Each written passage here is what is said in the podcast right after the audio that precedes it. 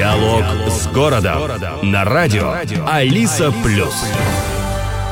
День добрый, уважаемые радиослушатели. Где 11 часов, там и 11.40. Э, с небольшим опозданием мы начинаем нашу программу, которая традиционно для 11 часов в пятницу, но сегодня по причине того, что мэр э, встречался с министром обороны, программа наша задержалась. Андрей, здравствуйте. Добрый день. Почему так сильно задержались? А, задержалась встреча с министром обороны, которая была запланирована до 11 часов. Проговорили мы с ним на порядка 30 минут дольше и обсуждали разные-разные вопросы.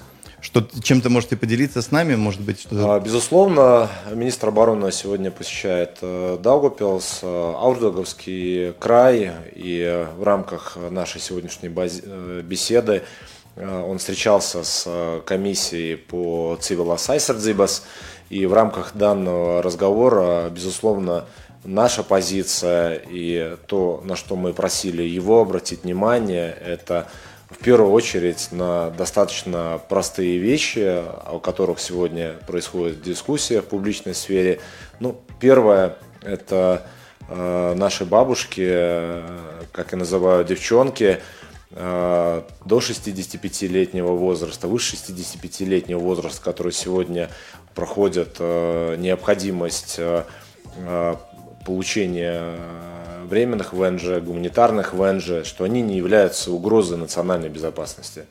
То есть э, наши девчонки никому не угрожают, э, ни, ничего тут не планируют, и к ним нужно смотреть как на них нужно смотреть как на абсолютно наших людей, наших жителей Латвии и Э, никакого рода риторика в отношении их э, депортации или для того, чтобы их обижать, абсолютно она неприемлема. Также мы беседовали по вопросам э, работы с СМИ с точки зрения использования русского языка. Ну, если старшее поколение, кто-то не выучился этот язык, по каким-то причинам не понимает, кто-то слишком уже, скажем так, Э, в, в, в таком приятном возрасте. Ну, не понимает человек э, только новости на государственном языке. Ну, тогда создавайте содержательный контент и объясняйте людям то, что вы хотите сказать на понятном этом языке, вот как буквально сейчас мы с вами беседуем. Это второй момент. Третий момент. Э, не дело городов, скажем так, вмешиваться в какие-то внутренние вещи Министерства обороны. Но Министерство обороны это не только побегать, пострелять. Министерство обороны это и инфраструктура. И если министр обороны сегодня говорит, что задача министерства защитить каждый сантиметр нашей страны, и оборона у нас начинается с этих сантиметров, насколько я понял сегодня, то, безусловно, нам надо обратить внимание на инфраструктуру.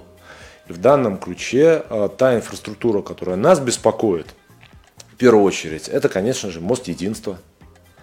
А, у нас готова проектная документация, он улучшает мобильность, необходимо реконструировать. Это, конечно же, двухполоска Даугупилс-Ницгала, которая в ужасном состоянии. Ее нужно отреконструировать. У нас, допустим, э, э, Докупилская региональная больница. Да, нужно помогать. У нас э, есть кружок в спортивной школе, целая программа, ребята, которые, которые занимаются стрельбой. У нас есть проект ТИРа. Ну, так как военные любят бегать и прыгать, ну, можно договориться же между разными министерствами образования, внутренних дел, оборонным ведомством, для того, чтобы строить легкоатлетический манеж – то есть сфера обороны это не только, э, скажем так, оружие, это, это и сфера инфраструктуры, это сфера инфраструктуры, в рамках которой необходимо и нужно развивать и финансировать. И вот с точки зрения города мы как раз-таки на именно данные позиции указали.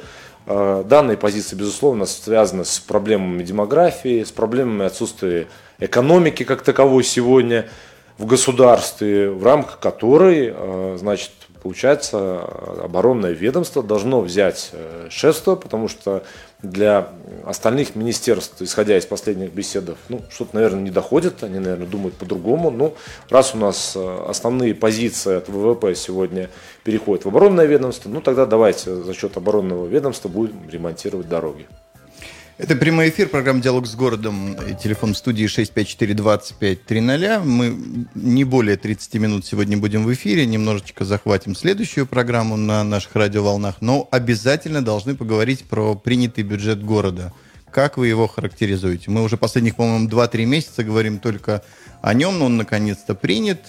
Как вы его характеризуете? А, бюджет принят а, бездефицитным. А, хочу сказать большое спасибо коллегам, финансистам, э, которые работали над ним на протяжении последних э, шести месяцев. Бюджет принят без необходимости брать в кредит. Бюджет принят без каких-либо коллективных сокращений. Бюджет принят, исходя из необходимости городу выполнять основные функции – Э, стоит, конечно же, отметить, что город, э, города, э, муниципалитеты, регионы, особенно Латгалии, оставлены сами себе, так как по целому ряду позиций государство выстроило на, и наложило на города дополнительные обязанности, не предоставив какое-либо финансирование. Ну, пример. Обязанность создавать муниципальную полицию. Обязанность дали – Э, обычно, когда государство налагает обязанность, следует за этим финансирование. Финансирование ноль. Э, бюджет муниципальной полиции в этом году составляет 2,6 миллионов евро. То есть государство его не компенсирует. Э, стоимость обедов в школе повысили от 2,09 до 3,15. Софинансирование на повышение в группе 1,4 50% дали. Э, индексация 5.12 не предусмотрена. Горы за свой счет. Дошкольные учреждения, э, все вообще состоят из финансирования из городского бюджета. Это порядка 19 миллионов евро. Э, зарплату педагогам в школах государство датирует, подняли. Самоуправление за счет своих собственных ресурсов должна провести индексацию повышения заработной платы в дошкольных учреждениях. А, социальная сфера, проекты деинституционализации реализовали, а, э, переложили абсолютно на содержание на сегодняшний момент на городской бюджет. Социальные пособия такого рода, как Майя Клюпабалс, увеличена поддержка, больше переложена на муниципальный бюджет. Минимальная заработная плата. Вышел министр, сказал, мы поднимаем минимальную заработную плату. Молодец, денег э, городам не выделил. Но там, где минимальная заработная плата, там, конечно, вопрос индексации заработной платы абсолютно всем группам профессии. Деньги не предусмотрели. То есть то, что происходит сегодня в государстве, это своего рода системный кризис, системный кризис, в рамках которого идет простое осознание э, двух вещей. Э, а, нет демографии, Б. Э, нет экономики. Из-за отсутствия демографии и экономики нет внутреннего потребления, нет внутреннего рынка. Исходя из этого у государства нет денег, и первое, что делает государство на сегодняшний момент, принимает достаточно простое решение, как она это делала в 2008-2009 году, э, перенести на плечи самоуправления все обязанности. И вот в рамках нашего бюджета, то, что единственное вот я могу сказать, это то, что важно, что он принят бездефицитный, важно, что мы не взяли кредиты, потому что э, кредитные проценты сегодня у государства, то есть возьмите кредит у нас, э, составляет порядка 6,5%. Ну, самоубийство брать у них сегодня в таком, в таком формате кредит. Это первый момент. Второй момент. Дефицитные бюджеты э, влияют на привлечение европейского финансирования, то есть бюджет э, с, с кредитами, с обязательствами э, абсолютно не даст возможности городу привлекать какие-то европейские деньги. Получается, государство деньги на развитие собственной инфраструктуры не выделяет, город при такой нагрузки позволить не могут. Единственная возможность развиваться остается только за счет европейского финансирования. Причем мы не можем за счет этого европейского финансирования не датировать общественный транспорт, не купить книги в школах, не оплатить питание, не социальное пособие выплатить. Мы можем эти деньги которые четко отмечены по конкретным позициям, использовать только и только на реализацию каких-то проектов инфраструктуры. Точка. Но в целом, э, безусловно, э, основные функции самоуправления вы, выполнит. А, дома будут, будут теплые, батареи будут греть, вода будет, канализация будет, улицы будут убираться, свет будет гореть, зарплаты всем работникам будут выплачиваться, город будет э, ну, больше жить, чем, чем умирать в данной ситуации, особенно что мы видим на общей карте самоуправления Латвии. Мэр Даугавпилса Андрей Элкниш сегодня в программе «Диалог с городом». А что для вас лично было важным в рамках этого бюджета? Лично для меня э, в рамках данного бюджета было сбалансировать все те интересы э, именно по сферам для того, чтобы э, кого-то из, из, из, из групп, социальных групп, из каких-то из направлений не отказаться и, и без чего абсолютно не остаться. В первую очередь, конечно же, это вопрос социальной политики города – при той ситуации, когда у нас идет экономический кризис, ты не можешь оставить без социальной поддержки горожан. Поэтому социальное пособие, социальная поддержка с точки зрения Майя Клипаблса, она будет выплачиваться, она будет поддерживаться. И цифры бюджета этого года абсолютно э, не меньше, во многих позициях даже чуть больше по сравнению с прошлым годом. Это первый момент. Второй момент – это, конечно же, э, позиция по э, софинансированию обедов в школах. Э, евро 55 на каждого ребенка в день. Безусловно, когда, ты, когда родители софинансируют на сегодняшний день обеды, ну, не можешь, ты не имеешь права переложить, допустим, на, на плечи э, семей, э, у которых есть дети, еще и плату за общественный транспорт. Поэтому мы сохранили бесплатный общественный транспорт для всех школьников, для всех учеников. Их в городе чуть более 9 тысяч человек. Безусловно, это поддержка спортивных школ, спорта, спортивной инфраструктуры, потому что ну, или человек занимается спортом, или как, э, как э, рассуждают специалисты, он обращается к врачу за медицинской помощью. Да? То есть лучше, лучше спортовать в данной ситуации. Безусловно, город не может остаться без э, культурной жизни, без культурного наследия, без сохранения своей, своей истории, культурного наследия. Это, конечно же, поддержка разным обществам, это, э, конечно же, активность для того, чтобы город смог бы в какой-то степени, безусловно, и, и развиваться. Э, вопросы э, утепления да, домов, вопросы благоустройства.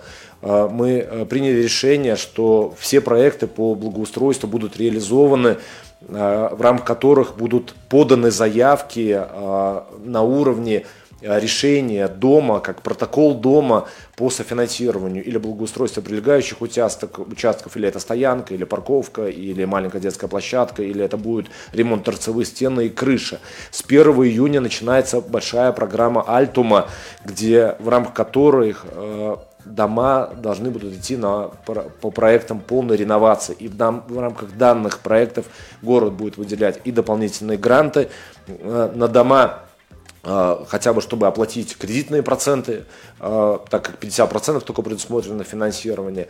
Безусловно, это абсолютно иной подход а, в работе общественного транспорта, да, когда одновременно с повышением стоимости проезда вводится система проездных билетов, покупая которых самые э, лучшие выгодополучатели, те горожане, которые общественный транспорт используют регулярно.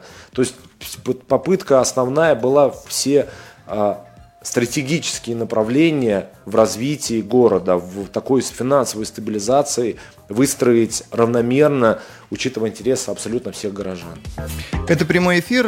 Мы до 12 часов 10 минут э, готовы также принимать звонки радиослушателей. Телефон студии 654-2530. Мэр Даугавпилса Андрей Александрович сегодня гость нашей программы. А как вы оцениваете увеличение стоимости проезда в общественном транспорте? Плохо оцениваю. Что будем делать? Будем плохо, повышать? Абсолютно э, плохо оцениваю и абсолютно в данной ситуации э, непопулярное решение, непопулярное, но вынужденное решение. Более четырех месяцев э, проверялась документация от А до Я Даугавпилс Сатиксме, и на сегодняшний день итог достаточно простой. Себестоимость одной поездки в общественном транспорте стоит евро 56. себестоимость. Были от Сатиксме в рамках рабочей группы предложения повысить стоимость проезда до евро 40 или до евро 50, но в данной ситуации такого рода повышения произойти не могло. Это первый момент. Второй момент. Дотация города в Даугавпилс Сатиксме из года в год увеличивается, начиная с 2016 года. В 2016 году дотация Даугавпилс Сатиксме – это деньги городские из бюджета города, которые направляются в Сатиксме для, э, скажем так, э, обеспечения работы предприятия. Составляла чуть больше 3,5 миллионов евро. Бюджет 2023 года по факту 7,4 миллиона евро. То есть за 8, за 8 лет а, более в двух раз выросла дотация от города. 7,5 а, миллионов евро – большие деньги, на самом деле. А, увеличение дотации в этом году предусмотрено на уровне 8,2 8,2 миллиона евро. То есть город, несмотря на то, что самоуправление, несмотря на то, что фактически возросла стоимость проезда, увеличил также дотацию, куда уходят э, данные 8, э, 8,3 миллиона евро, исходя из дотации этого года. Основная позиция предприятия – это заработная плата работникам. На предприятии сегодня работают 512 человек. Из 512 человек администрация не 100, не 50 только 17 человек. То есть, то есть можно по структуре сказать, что она достаточно, ну, скажем так, соответствует э, статистическим показателям. Но э, заработный фонд, заработный фонд составляет чуть более 8 миллионов евро. Можно было ли э, стоимость проезда в Сатиксме не повышать? Можно было.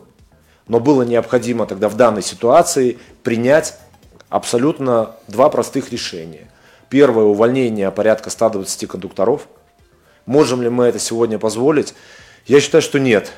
При той ситуации, когда идет экономический кризис, допустить коллективное увольнение порядка 120 человек, как мы, допустим, видим сейчас в дискуссиях про такое самоуправление, как ТАЛС, где 350 собираются уволить, это абсолютно неадекватное решение, потому что все те же самые горожане э, не найдут работу сегодня, это достаточно очевидно, и все они станут э, клиентами социальной службы. Второй момент. Э, мы э, после того, как была повышена минимальная заработная плата, мы не имеем права не индексировать заработную плату работникам предприятия. Вот в этой дополнительной дотации, на сегодняшний момент составляющей 8,3 миллиона евро на Даугавпилс Сатиксме, включает в себе и индексацию заработной платы работников, начиная с 1 июня. А, по, если помните, летом были случаи, когда общественный транспорт не мог ходить, в большей степени это относилось к автобусной части, когда, допустим, работники работали. Ну, для того, чтобы работники работали, должна быть соответствующая заработная плата. У нас одинаковый подход в отношении индексации заработной платы абсолютно во всех муниципальных учреждениях и в структурах самоуправления и э, той работы, которую мы проделываем, проделываем с частными предпринимателями. Я встречаюсь с собственниками заводов, с э, менеджерами, с руководящим звеном. Мы говорим о том, что необходимо поднимать средний уровень заработной платы везде, во всех предприятиях. Сегодня идет даже дискуссия на уровне Министерства финансов для того, чтобы сократить дарбоспека нодоклыс. Но логично в данной ситуации будут э, для предпринимателя эта позиция будет более выгодная, меньше надо будет платить дарспека нодоклыс, но э, исходя из этого э, логично, что и город получит меньше, исходя из подоходного налога с населения, и тогда мы говорим с государством, что если вводится данная система, значит государство должно компенсировать, допустим, фонд выравнивания самоуправления эти деньги. И вот в рамках данной, данной, данного именно решения Э, Даугавпилс Сатиксме э, принято повысить стоимость проезда до 1 евро, но для того, чтобы повышение не было бы настолько ощутимым для тех горожан, которые пользуются общественным транспортом регулярно, было принято решение о а, э, дети едут, школьники едут бесплатно, инвалиды первой, второй, третьей группы едут бесплатно, дети-сироты едут бесплатно, есть еще несколько категорий, которые едут бесплатно, но э, основной принцип перешел именно на введение месячного билета. А месячный билет введен для пенсионеров. Нет различия между работающим пенсионер или неработающим пенсионер. Проездной билет стоит 15 евро. Если мы берем 15 евро и делим на количество дней в месяц, умножая на э, поездку туда-обратно раз в день, тогда стоимость, э, проездно... стоимость билета, стоимость проезда равна 25 центов. То есть повышение при использовании месячного билета, оно минимальным. То же самое относится и к э, жителям, которые работают. Введены билет в категории на рабочие дни, стоимость 35 евро, делим данный билет на количество дней, получается стоимость проезда 75 центов, 79 центов.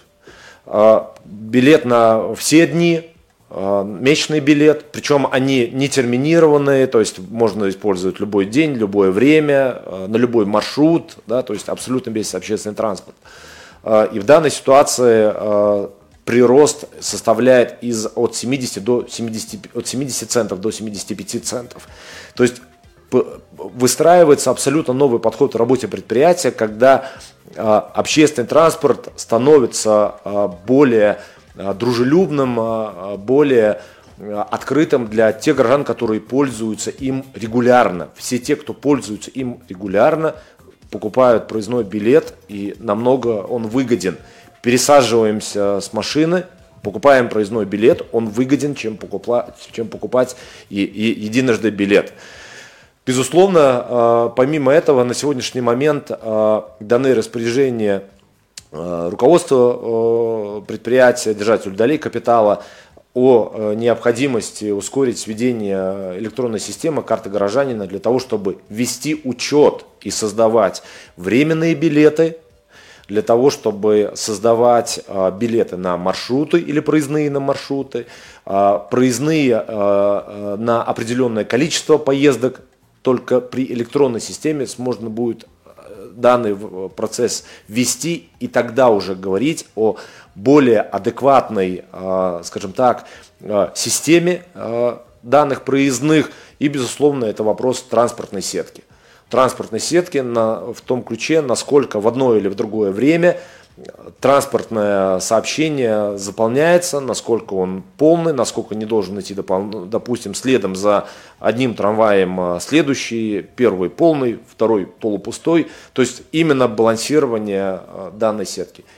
И так предприятие сможет, в принципе, до конца этого года выстроиться и, и, и будем понимать, как в данном, э, данной ситуации будем действовать дальше. Еще 7 минут. Программа «Диалог с городом» в прямом эфире радио Алиса Плюс. В наушнике будет слышен вопрос от радиослушателей, который уже достаточно давно ожидает. Здравствуйте, пожалуйста. Алло. Да, пожалуйста, ваша возможность задать вопрос мэру.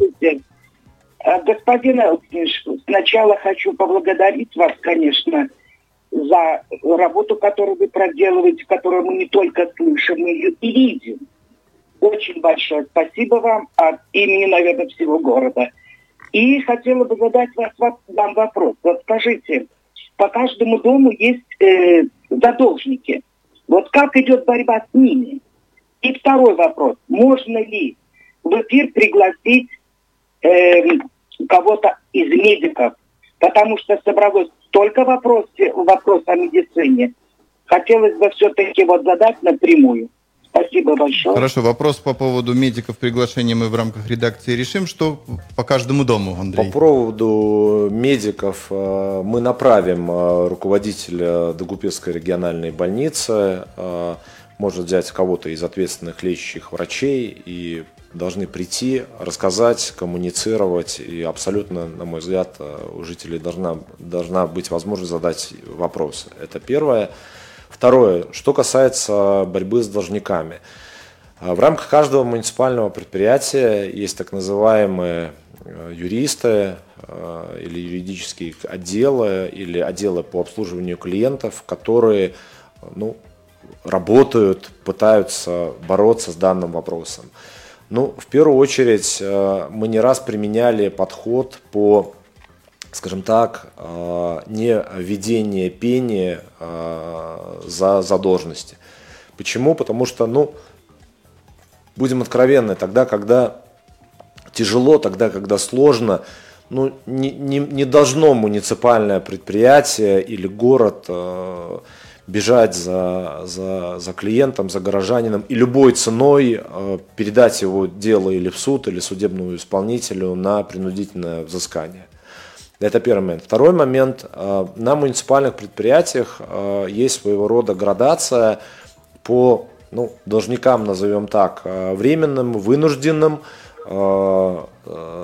тем, которые решают данный вопрос, подписываются при данных решениях вопрос соглашения о постепенном погашении задолженности. То есть, в моем, в моем понимании, город должен идти навстречу, помогать, входить в ситуацию, оценивать. Но это не означает, что задолженность должна быть такая, которая или не дает дому возможности участвовать в программах софинансирования, или же ставит э, под угрозу работу муниципальных предприятий с точки зрения нехватки именно э, средств на банковских счетах только для того, чтобы оплатить счета поставщиками.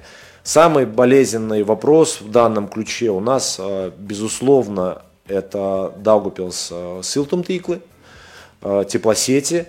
Безусловно, с точки зрения той задолженности, которая там образовалась, чуть более 3 миллионов евро, на сегодняшний момент а, работа с должниками ведется по тем принципам, на которые я вам указал, но со своей стороны я хочу горожан попросить э, все-таки при возможности, пожалуйста, предприятие все тоже понимает, а, но предприятию нужно платить за, за, за, за, за газ, да, за пропан-бутан, за или дизель, который покупают, или, или, или э, древесную щепу, причем платят по многим позициям наперед, да, то есть заплатили авансом, то они только тогда поставили, а не тогда, когда жителям выставлен счет. Исходя из этого еще образуется задержка, по меньшей мере,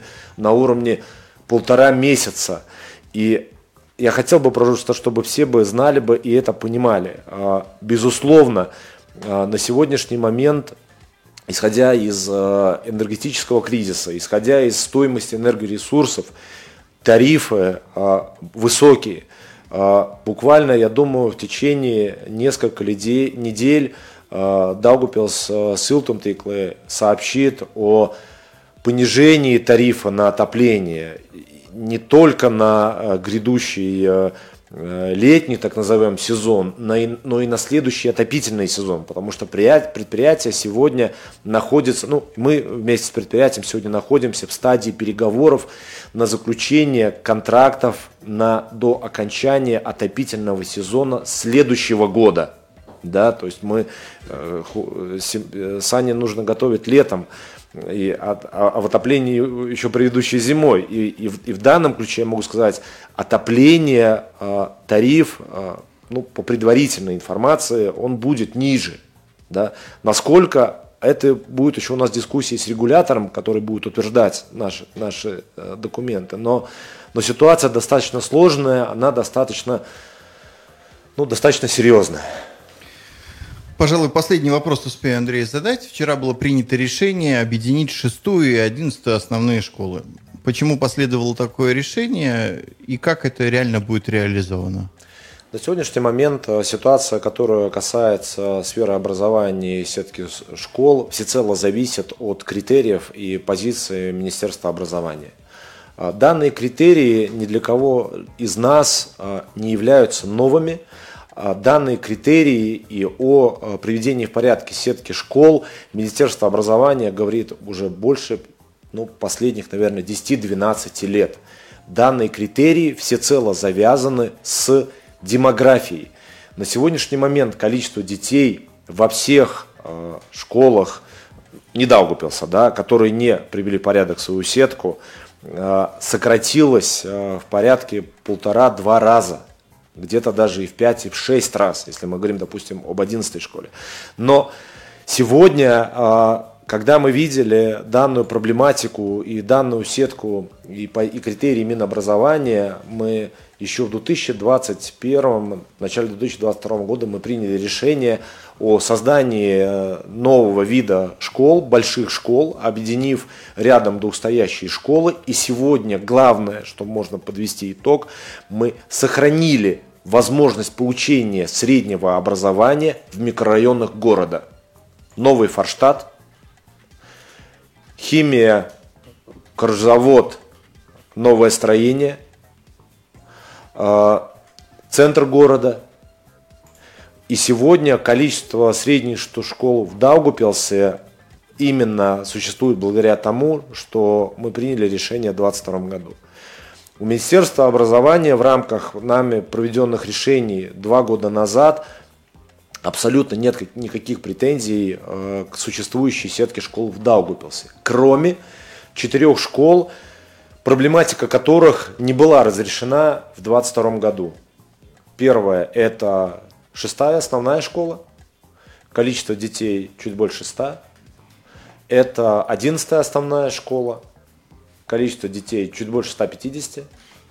Это Венебас Памацкола. Это проблема э, в группе 7-9 класс, недостаток детей. Э, он достаточно банальный, э, и происходит конкуренция своего рода за, детей между Венебас Памацколой и госгимназией. Они находятся ну, практически в, в одних здании. помещениях. Uh-huh. Вот. И это, конечно же, проблематика э, средней школы на базе центра виду школа. Четыре школы по критериям Министерства образования на сегодняшний момент этим критериям не соответствуют.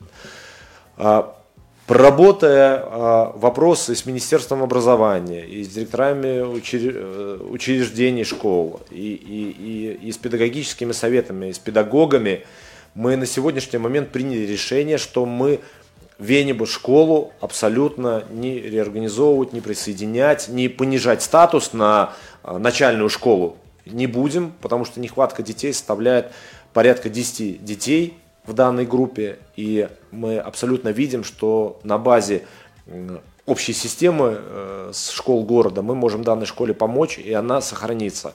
Это первый момент. Второй момент, мы абсолютно сегодня должны продолжить борьбу за центр виду школу. А, проблема а, критериев Министерства образования – это количественный показатель. Им без разницы на качественный показатель. Их формально волнует, сколько детей в какой группе. Ну, с учетом садиков э, там не хватает Это детей. не считается. Считается первый, первый, второй, ну, по классам с первой по двенадцатый. А, в рамках центра школы у нас буквально была встреча с представителями, с министром позавчера она была а, в среду с министром образования, с министром регионального развития, с министром экономики, с министром сообщения, с бюро премьер-министра, с бюро министра финансов, в рамках которого мы достаточно четко высказали свою позицию. Введите, пожалуйста, в том числе для средних школ, качественный критерий. Важно качественное исполнение, в том числе и среднего образования, не только количественные показатели по наличию детей. Поэтому центр школы тоже в данной ситуации нам, виду школы нам удалось а, сохранить в нынешнем виде. Проблематика, которая сегодня а, и по решениям, которые приняты, это объединение двух школ, это шестая памат-школа и, и с центра виду школы, и одиннадцатая памат-школа, и draudzīgā aicinājuma vidusскола с той точки зрения, что недостаточное количество детей, которые я указал. Б. При непроведении реформ позиция министерства очень простое. Государство не выделит системе образования городу чуть более 1,2 миллионов евро.